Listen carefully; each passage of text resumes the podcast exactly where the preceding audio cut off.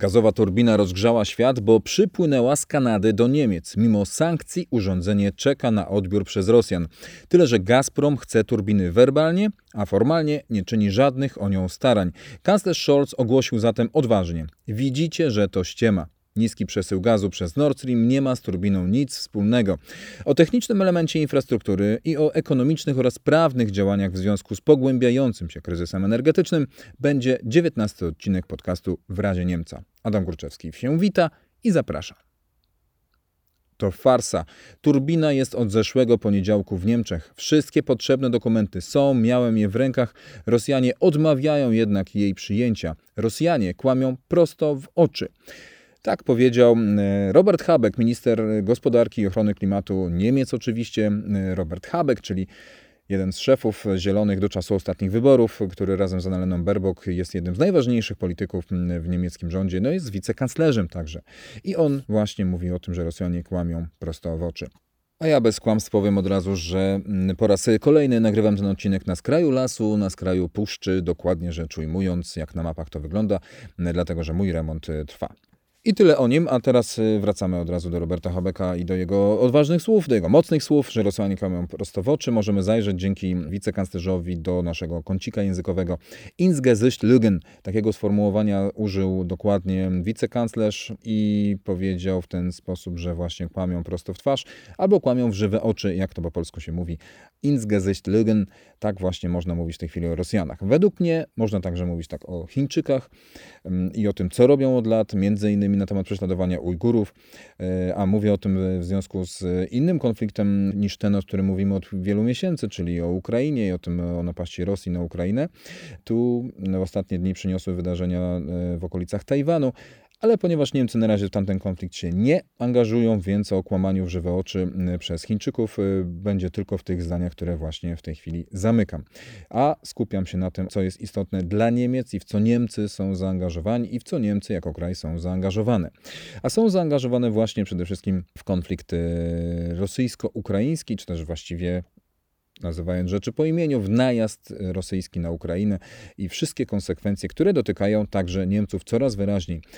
Szykuje się nasz zachodni sąsiad do nadchodzącego kryzysu. Znaczy właściwie to on już się zaczął, ale zimą, jesienią ma być jeszcze bardziej odczuwalny i do tego właśnie e, Niemcy się szykują i o tym e, właśnie teraz już zaczynamy mówić. Robert Habeck powiedział, że widział dokumenty, że wie, że turbina jest w Niemczech no i po właśnie zaznaczył, on jako pierwszy ogłosił to, że ta turbina już dotarła, bo wcześniej były e, długie dywagacje na temat tego, że Niemcy prosili Kanadyjczyków, dokładnie niemieckie władze, prosiły kanadyjskie władze o to, żeby przymknęły oko na te sankcje. Opowiadałem o tym, piszę o tym na Twitterze, na Instagramie, że Niemcy właśnie prosili, żeby wysłać tę turbinę do Europy, do Niemiec właśnie po to, żeby można było wykazać e, kłamstwa Rosjan. Kanadyjczycy na chwilę zawiesili te sankcje, wysłali zakładów Siemensa kanadyjskich do niemieckich zakładów e, Siemensa tę turbinę, co wzbudziło wiele kontrowersji, no ale fakt się stał. W tajemnicy był ten rejs, no i właśnie Robert Habeck ogłosił, że ta turbina dotarła. To było pod koniec lipca, a w pierwszych dniach sierpnia, e, trzy dni przed dniem, w którym publikuję ten odcinek podcastu, doszło do takiej sytuacji, w której kanclerz Scholz wybrał się do zakładów właśnie Siemensa, do Mülheim i tam stanął obok Christiana Brucha, e, dyrektora generalnego Siemens Energy, takiej spółki, a tenże właśnie Christian Bruch, którego za chwilę będę cytował, stanął na konferencji prasowej, na której zjawiła się liczna y, grupa dziennikarzy, przede wszystkim niemieckich, ale nie tylko. No i stanął właśnie Bruch między kanclerzem Olafem Scholzem z jednej strony, a kontrowersyjną turbiną z drugiej i zaczął opowiadać o tym, y, jak wygląda dokładnie y, sytuacja. Ja tylko przypomnę, że w ostatnich dniach, bo to jest ważne do tego, y, co za chwilę usłyszycie, że w ostatnich dniach, już nawet tygodniach, przez Nord Stream 1 płynie gaz na tylko 20% tego możliwego przesyłu. Bardzo niskie ciśnienie jest tam i Rosjanie tłumaczą to właśnie brakiem turbiny. I będzie podała też tam nazwa portowa. Ja, to jest właśnie miejsce, w którym te turbiny działają. Ta turbina, na którą Rosjanie niby czekają, właśnie miałaby sprawić, sprawić, że wszystko wróciłoby do normy i można byłoby gaz przesyłać w zdecydowanie większych ilościach. Więc teraz oddaję głos panu Christianowi Bruchowi, y, który przywitał kanclerza i opisuje sytuację, w której się znaleźć on i dziennikarze. Po mojej prawej stronie widać to, co w tych dniach wszystkich rozgrzewa. Tyle, że w zasadzie to powinien być normalny proces, w którym turbina jest przenoszona z jednego miejsca do innego. W tym przypadku do Kanady w celu konserwacji. A w tym samym czasie dokładnie taka sama turbina była i jest w magazynie w Rosji i może w każdej chwili zostać zamontowana. Ta turbina, która teraz ma wrócić, miała zostać zamontowana dopiero we wrześniu 2022 roku. Zobrazuję, jak to działa, bo można odnieść wrażenie, że wszystko zależy od tego, co tutaj widzimy. To nie jest tylko ta jedna turbina. W Portowa jej jest sześć takich turbin, plus jeszcze dwie mniejsze. Potrzeba pięciu turbin, aby wytworzyć 100% mocy. Dzisiaj działa tylko jedna i dlatego mamy 20% ciśnienia w gazociągu. Dlatego technicznie nie możemy zrozumieć tej sytuacji. Nie mamy innych informacji, dlaczego nie ma gotowości operacyjnej. Niemniej jednak oczywiście jesteśmy bardzo zainteresowani odesłaniem tej turbiny e, zastępczej z powrotem do Rosji przy wsparciu rządu niemieckiego. Czego do tego brakuje? Z naszego punktu widzenia wszystkie dokumenty celne, transportowe są przygotowane na tyle, na ile jesteśmy w stanie je przygotować, ale potrzebujemy wkładu od klienta, czyli od Gazpromu. W tej chwili jest to w toku, więc nie możemy przetransportować tej turbiny, mimo że mamy ją tutaj od ponad tygodnia. Chcemy to rozwiązać, bo oczywiście interesuje nas głównie sama technologia, a mniej dyskusje polityczne. Christian Bruch wytłumaczył, jak to działa, czyli ta turbina to jest tylko wymówka, tak można odczytać to oczywiście. Powiedział Bruch, że nie chce dyskusji politycznych, ale gdyby właśnie zabawił się w politykę, to podkreśliłby właśnie to, że to nie chodzi o tę jedną turbinę, że to jest tylko wymówka, że tak naprawdę Rosjanie mają sprzęt wystarczający do tego, żeby przesyłać to e, w całości. Na te słowa odpowiadał potem rzecznik Kremla, Dmitrij Pieskow, e, który podkreślał, że są biurokratyczne przeszkody e, związane z zachodnimi sankcjami. Gazprom, jako właściciel turbiny, potrzebował i potrzebuje dalej dokumentu potwierdzającego, że nie jest to przedmiot objęty sankcjami oraz dokumentów o stanie technicznym turbiny. No jak słyszeliście, wszystkie dokumenty, które są te techniczne, przynajmniej według zapewnień e, szefa Siemens Energy, są i czekają. Natomiast e, Pieskow twierdzi, że w tej chwili nie mamy tych papierów. I tak ogłosił i oczywiście tej wersji Rosjanie będą się trzymać. Czy to jest znowu kłamstwo w żywe oczy? Sami sobie na to odpowiedzcie.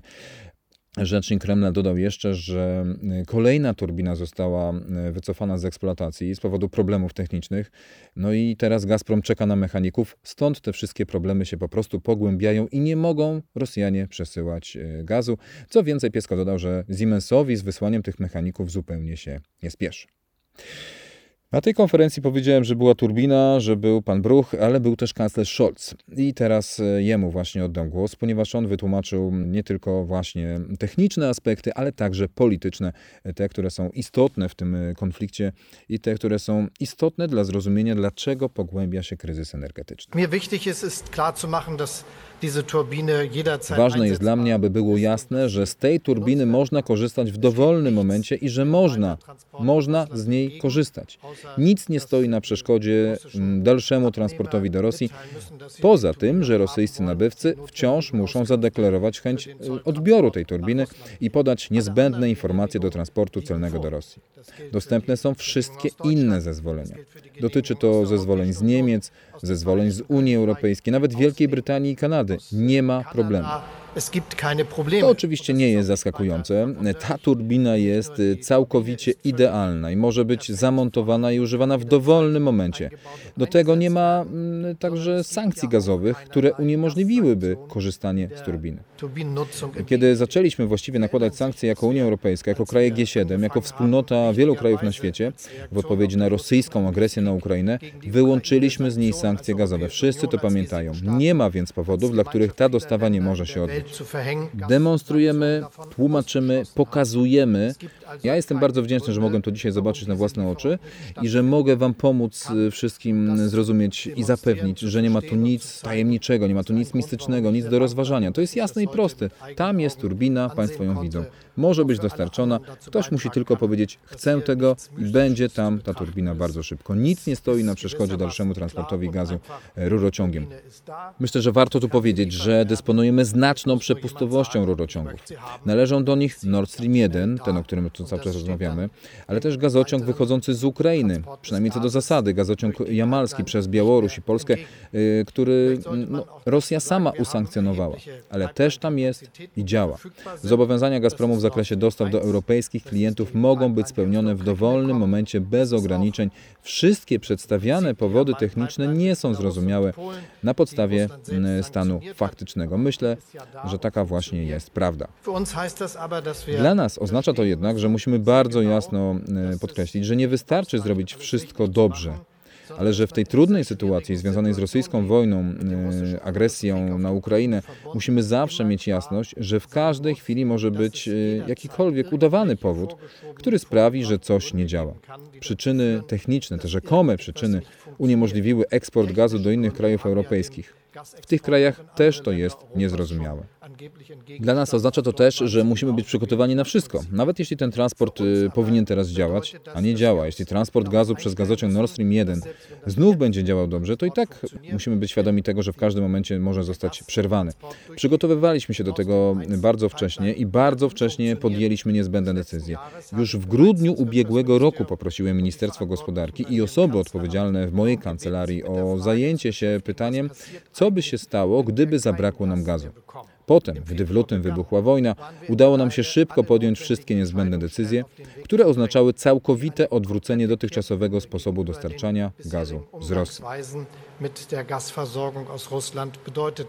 Czyli tutaj można zauważyć, że mm, Scholz podkreśla, że jeszcze zanim Rosjanie zaatakowali, kiedy pojawiły się już informacje o samych planach o których słyszeliśmy od brytyjskich i amerykańskich służb, o tym, że Rosjanie planują agresję na Ukrainę, to Niemcy, według słów Scholza, szykowali się już do tego i prowadzili podobno działania na rzecz tego właśnie, żeby się uniezależnić od rosyjskiego gazu. Czy należy to do końca wierzyć? Ja nie jestem pewien, dlatego że zbiorniki na gaz, magazyny gazowe niemieckie nie były wcale tak dobrze zaopatrzone, jak mogłyby być. No, oczywiście, że mówimy o grudniu, tak wspomniał kanclerz, e, a w grudniu wiadomo, że to jest e, jeden z miesięcy, w którym jest największe obciążenie, konieczność, potrzeba bieżąca do tego, żeby zaspokajać potrzeby gazowe. Po prostu ilość gazu jest potrzebna bardzo duża do tego, żeby ogrzać mieszkania przede wszystkim. E, no, natomiast mimo wszystko, skoro byli szokowali się wcześniej, wyglądali na dość zaskoczonych, tak przynajmniej to wygląda z mojego spostrzegania, ale nie tego mojego, bo także wielu ekspertów no, nie było dobrego zdania o przygotowaniu Niemiec do tej właśnie sytuacji. Uzależnienie od Rosji było bardzo duże, nadal takim pozostaje, choć oczywiście widać kroki, które sprawiają, że e, to uzależnienie spada i do tego e, za chwil kilka wrócę. E, na razie chcę jeszcze wrócić do rzecznika Kremla, który mm, odniósł się także tam w tych swoich wypowiedziach do nieoddania do eksploatacji nowego gazociągu, czyli tej drugiej nitki Nord Stream 2 i przypomniał, że prezydent Władimir Putin podkreślił, że technicznie możliwe jest realizowanie dostaw tym rurociągiem. On jest gotowy do użycia w każdej chwili, co tylko podkreśla to, że Rosjanie rzeczywiście grają tą turbiną i tym Nord Stream 1 chcą pokazać, że włącznie Nord Stream 2 to będziemy wysyłać. Nie wiadomo tylko dlaczego te turbiny, które teoretycznie są gotowe do tego, żeby napędzać przesył y, gazociągiem Nord Stream 2, nie mogą zostać zastosowane przy gazociągu Nord Stream 1, ale jak wiadomo konsekwencje w wypowiedziach y, strony rosyjskiej, no trudno szukać czasami konsekwencji, one po prostu sobie same e, przeczą. Tak wygląda ta sytuacja z punktu widzenia kanclerza Scholza, do jego słów jeszcze wrócimy. Natomiast Niemcy oprócz tego, że reagują na to, co się dzieje z gazem, oprócz tego, że pokazują, jak Rosjanie kłamią, no to muszą się liczyć z tym, co się stanie. I jak to już to wynikało z tego, co przed chwilą powiedział Olaf Scholz, no w każdej chwili może się okazać, że ten gaz po prostu nie będzie płynął w ogóle, że Rosjanie zakręcą górek całkowicie, kurek e, całkowicie i tego przesyłu gazu nie będzie. Dlatego prowadzone są kolejne środki, kolejne działania różnego rodzaju, które mają sprawić, że Niemcy będą bardziej gotowi do tego właśnie, co się dzieje już teraz i do tego, co będzie się w kolejnych tygodniach pogłębiało, bo za każdym razem, kiedy będzie spadała temperatura, a jesteśmy przecież w najgorętszym okresie roku, no to każdy spadek temperatury będzie sprawiał, że potrzebne będzie większe zapotrzebowanie na gaz. I dlatego zaczynają się pojawiać takie działania jak Zacznę od takiego negatywnego, y, ogłoszonego przez ministra Roberta Habeka, wspomnianego na początku, tego, który odważnie mówił o kłamstwach Rosjan. Ten też odważnie ogłosił, że no, zatwierdzona została tymczasowa dopłata do gazu, która ma sprawić, że będą bezpieczne dostawy ciepła jesienią i zimą. Gabinet właśnie ministra wprowadził y, takie przepisy. W celu zabezpieczenia dostaw ciepła energii w nadchodzących zimnych okresach Rada Federalna uchwaliła ograniczoną dopłatę za bezpieczeństwo gazowe na podstawie ustawy o bezpieczeństwie energetycznym. Celem tejże dopłaty jest zapobieganie niewypłacalności i awariom dostaw gazu w kryzysie energetycznym wywołanym rosyjskim atakiem na Ukrainę, a tym samym utrzymanie bezpieczeństwa dostaw dla obywateli i gospodarki. Tak brzmi oficjalna argumentacja dla wprowadzenia tymczasowej opłaty, której ma towarzyszyć dalsza ukierunkowana pomoc dla obywateli oraz rozszerzenie kolejnych programów pomocy dla gospodarki, które są, y, które też za chwilę jeszcze opiszę. To rozporządzenie rządu zostało przekazane do konsultacji do Bundestagu, także w najbliższych dniach to powinno zostać wprowadzone w życie. Y, ma wejść w życie dokładnie, rzecz ujmując 1 października i działać przez półtora roku do kwietnia 2024. Takie słowa jeszcze zacytuję Roberta Habeka. Wraz z atakiem na Ukrainę Rosja wywołała również poważny kryzys energetyczny, stworzyła sztuczne niedobory energii i podniosła ceny. Nasz kraj, który od lat jest mocno uzależniony od taniego gazu z Rosji, jest szczególnie dotknięty tym szokiem zewnętrznym. Robimy wszystko, co w naszej mocy, aby stać się bardziej niezależnym i jesteśmy na dobrej drodze, ale musimy się do tego dostosować. Gaz jest teraz rzadkim i drogim towarem. E, tak e, tłumaczy wprowadzenie tymczasowej opłaty właśnie tym kryzysem wywołanym przez Rosję. Nie jest to łatwy krok, ale konieczne jest zabezpieczenie dostaw ciepła i energii e, do gospodarstw domowych i do gospodarki. Koszty są rozkładane tak solidarnie, jak to jest tylko możliwe. Poszkodowani importerzy gazu ponoszą wszystkie koszty zakupu zastępczego do października. Następnie będą one rozłożone równomiernie na wielu ramionach. Tak tutaj e, w techniczne mm, aspekty i prawne te zawarte mm, zagłębiał się minister Habek. W dużym skrócie chodzi o to, że państwo mm, postanowiło wprowadzić kolejną opłatę, która ma zmotywować z jednej strony zrównoważyć koszty ponoszone właśnie przez importerów, którzy mogliby w ogóle upaść, a z drugiej strony zmotywować także do działania na rzecz oszczędzania energii. To jest taki portal porównawczy, Verivox e, się nazywa i on obliczył, że przy zachowaniu tego samego zużycia gospodarstwo domowe, takie jednoosobowe, mogłoby mieć dodatkowe koszty takie od 90 do 300 euro w ciągu roku. To jest kalkulowane dla 5000 kWh zużycia rocznego. A takie typowe gospodarstwo, w którym mieszkają przynajmniej dwie osoby, to od 200 do nawet 700 euro rocznie. Rodzina z kolei do nawet 1200 mogłaby dołożyć, gdyby tak rzeczywiście te kalkulacje się zgadzały. No i tutaj oczywiście mm, następują zachęty do tego, żeby Niemcy oszczędzali także gaz, mniej go zużywali, to będą wtedy mniej musieli za niego płacić. Te opłaty ponoszą w tej chwili właśnie importerzy, ale wiadomo jest, że wszyscy dostawcy prądu, właśnie importerzy będą przenosili te opłaty na swoich klientów, co jest brane pod uwagę przez rząd i dlatego właśnie planowane są działania także na rzecz Niemców, czyli na rzecz domowych budżetów, które mają ułatwić tę trudną sytuację. I teraz wracam do kanclerza Scholza, który oprócz tego, że opisywał właśnie jak działają Rosjanie, jak oni mm, kłamią, jaką stosowali jako wymówkę tę turbinę, on przypomniał co i podsumował także przy okazji tej turbiny, mm, bo to jest chyba istotniejsze dla mieszkańców Niemiec, czyli także dla części słuchaczy z tego co wiem, mm, dlatego że wśród y, słuchaczy podcastu w razie Niemca są także osoby, które mieszkają właśnie w Niemczech i oprócz tego, że śledzą na y, bieżąco y, niemieckie media, bardzo dziękuję za to, że także i moje opowieści y, i moje obserwacje traktujecie jako jedno ze źródeł informacji i do Was tym bardziej także zwracam się z, no nie z apelem, ale z zachętą do tego, żebyście śledzili moje informacje, szczególnie na Instagramie, gdzie ostatnio jestem trochę aktywniejszy, ale także na Twitterze staram się być, dostarczać tych informacji na bieżąco. Więc informacje Scholza dotyczą właśnie tego, co już Niemcy robią, co rząd niemiecki robi po to, żeby jako kraj i jako sami obywatele nie tracili tak dużo, jak mogą stracić, żeby być gotowym do tego kryzysu energetycznego, który się pogłębia. Już teraz nie będę go może wam puszczał, ja wiem, że lubicie słuchać e, Olafa Scholza, ale może posłuchacie tym razem bardziej mnie, już nie będziemy się tutaj wzajemnie z panem e, Olafem zagadywać.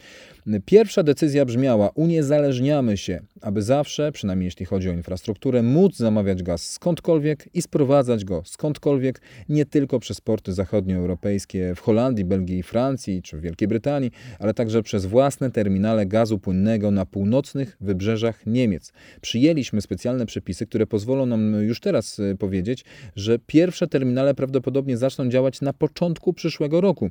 Niektóre nieco później, więc jeśli chodzi o infrastrukturę, stosunkowo szybko będziemy dysponować mocami importowymi, które pozwolą nam zamawiać, a także importować gaz z innych źródeł z innych w domyśle niż z Rosji, w dowolnym momencie, choć prawdopodobnie po wysokich cenach. Dzieje się to w szybkim tempie.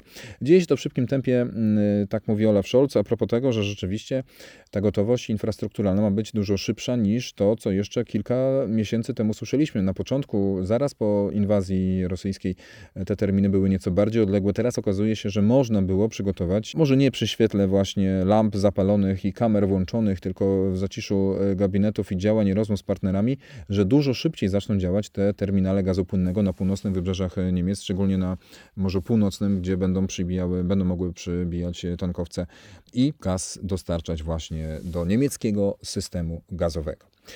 E, idziemy dalej. Co powiedział Olaf Scholz? Drugą decyzją, jaką podjęliśmy, było zapewnienie, że magazyny w Niemczech będą pełne. Ta kwestia bardzo mnie niepokoiła. Scholza, nie mnie, chociaż mnie również, i rozwiązaliśmy ją za pomocą prawa, które wprowadziliśmy, i to prawo nakłada obowiązek przechowywania. Warto zauważyć, że część dostaw z tych magazynów realizowana była nawet do innych krajów, y, na przykład do Polski, zamiast korzystać z możliwości biegnących do Polski gazociągów. Trzeba było zrobić to dobrze i zrobiliśmy to dobrze, podejmując decyzje. Mamy zatem przepisy ustawowe, wykonawcze, nakazujące napełnienie zbiorników magazynowych. To już się dzieje. Ponownie zaostrzyliśmy wymagania, dzięki czemu mamy teraz taki poziom zapasów, który w tym momencie nie istniał w poprzednich latach i który nie istniałby bez tego prawa.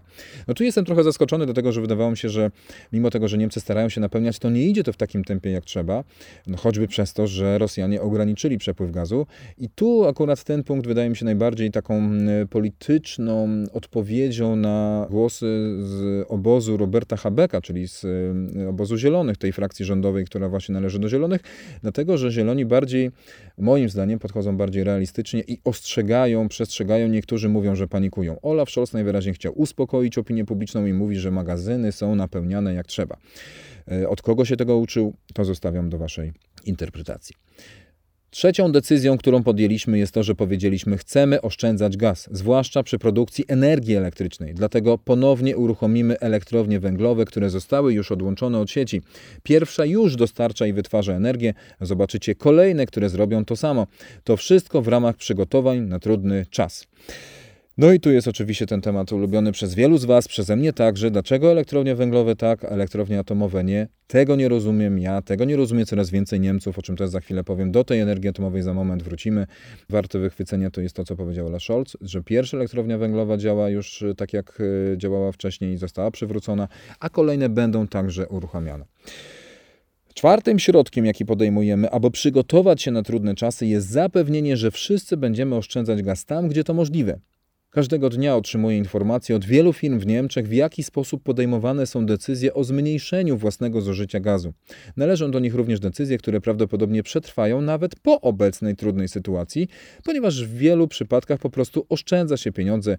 Jeśli radzimy sobie z tym trochę mądrze i inaczej, no to trzeba przy tym pozostać. W każdym razie wiele takich decyzji jest podejmowanych wszędzie. Zauważam też, że wielu obywateli już się przygotowuje. Niektórymi mm, zapowiedzianych i przygotowanych przez nas działań przyczyniliśmy się również do stworzenia takiego obszaru bezpieczeństwa, że wszyscy razem szukamy oszczędności tak, by nie wpływało to znacząco na jakość naszego życia i rozwój gospodarczy.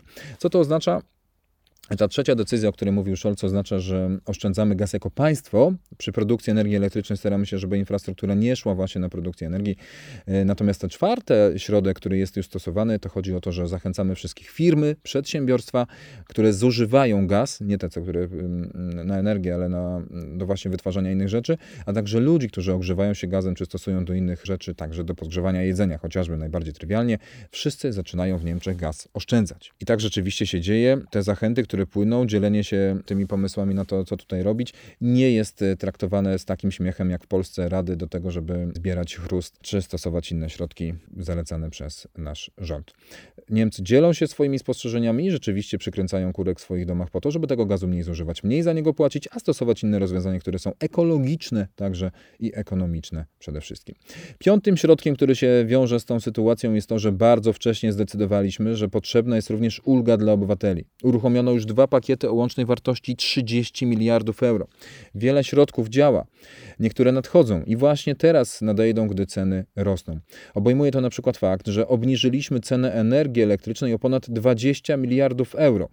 Kanclerz Scholz ma na myśli, że 20 miliardów euro mniej trzeba zapłacić. W sumie tyle dopłaci e, niemiecki rząd do tego, co musieli zapłacić by Niemcy, a nie muszą, bo popłynie to z rządowej kasy. Poprzez zaprzestanie pobierania opłaty EEG od połowy tego roku, w wyniku czego cena energii elektrycznej została odpowiednio mm, właśnie z tego zwolniona.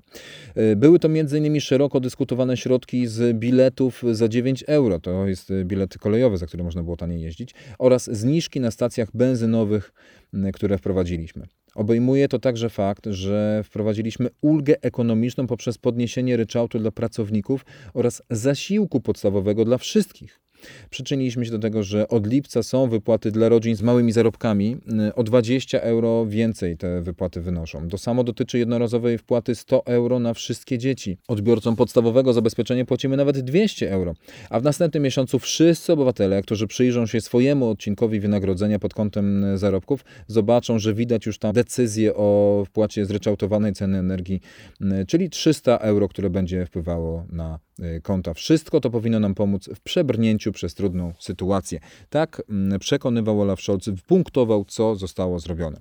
No to teraz chciałem wrócić do tej energii atomowej i do zielonych, którzy moim zdaniem się trochę łamią. Niektórzy twierdzą, że są gotowi do kompromisu, ale na zewnątrz ciągle jest mowa o tym, że nie ani kroku dalej. Pod koniec roku, przypomnę, y, pozostałe trzy niemieckie elektrownie jądrowe mają zostać wyłączone.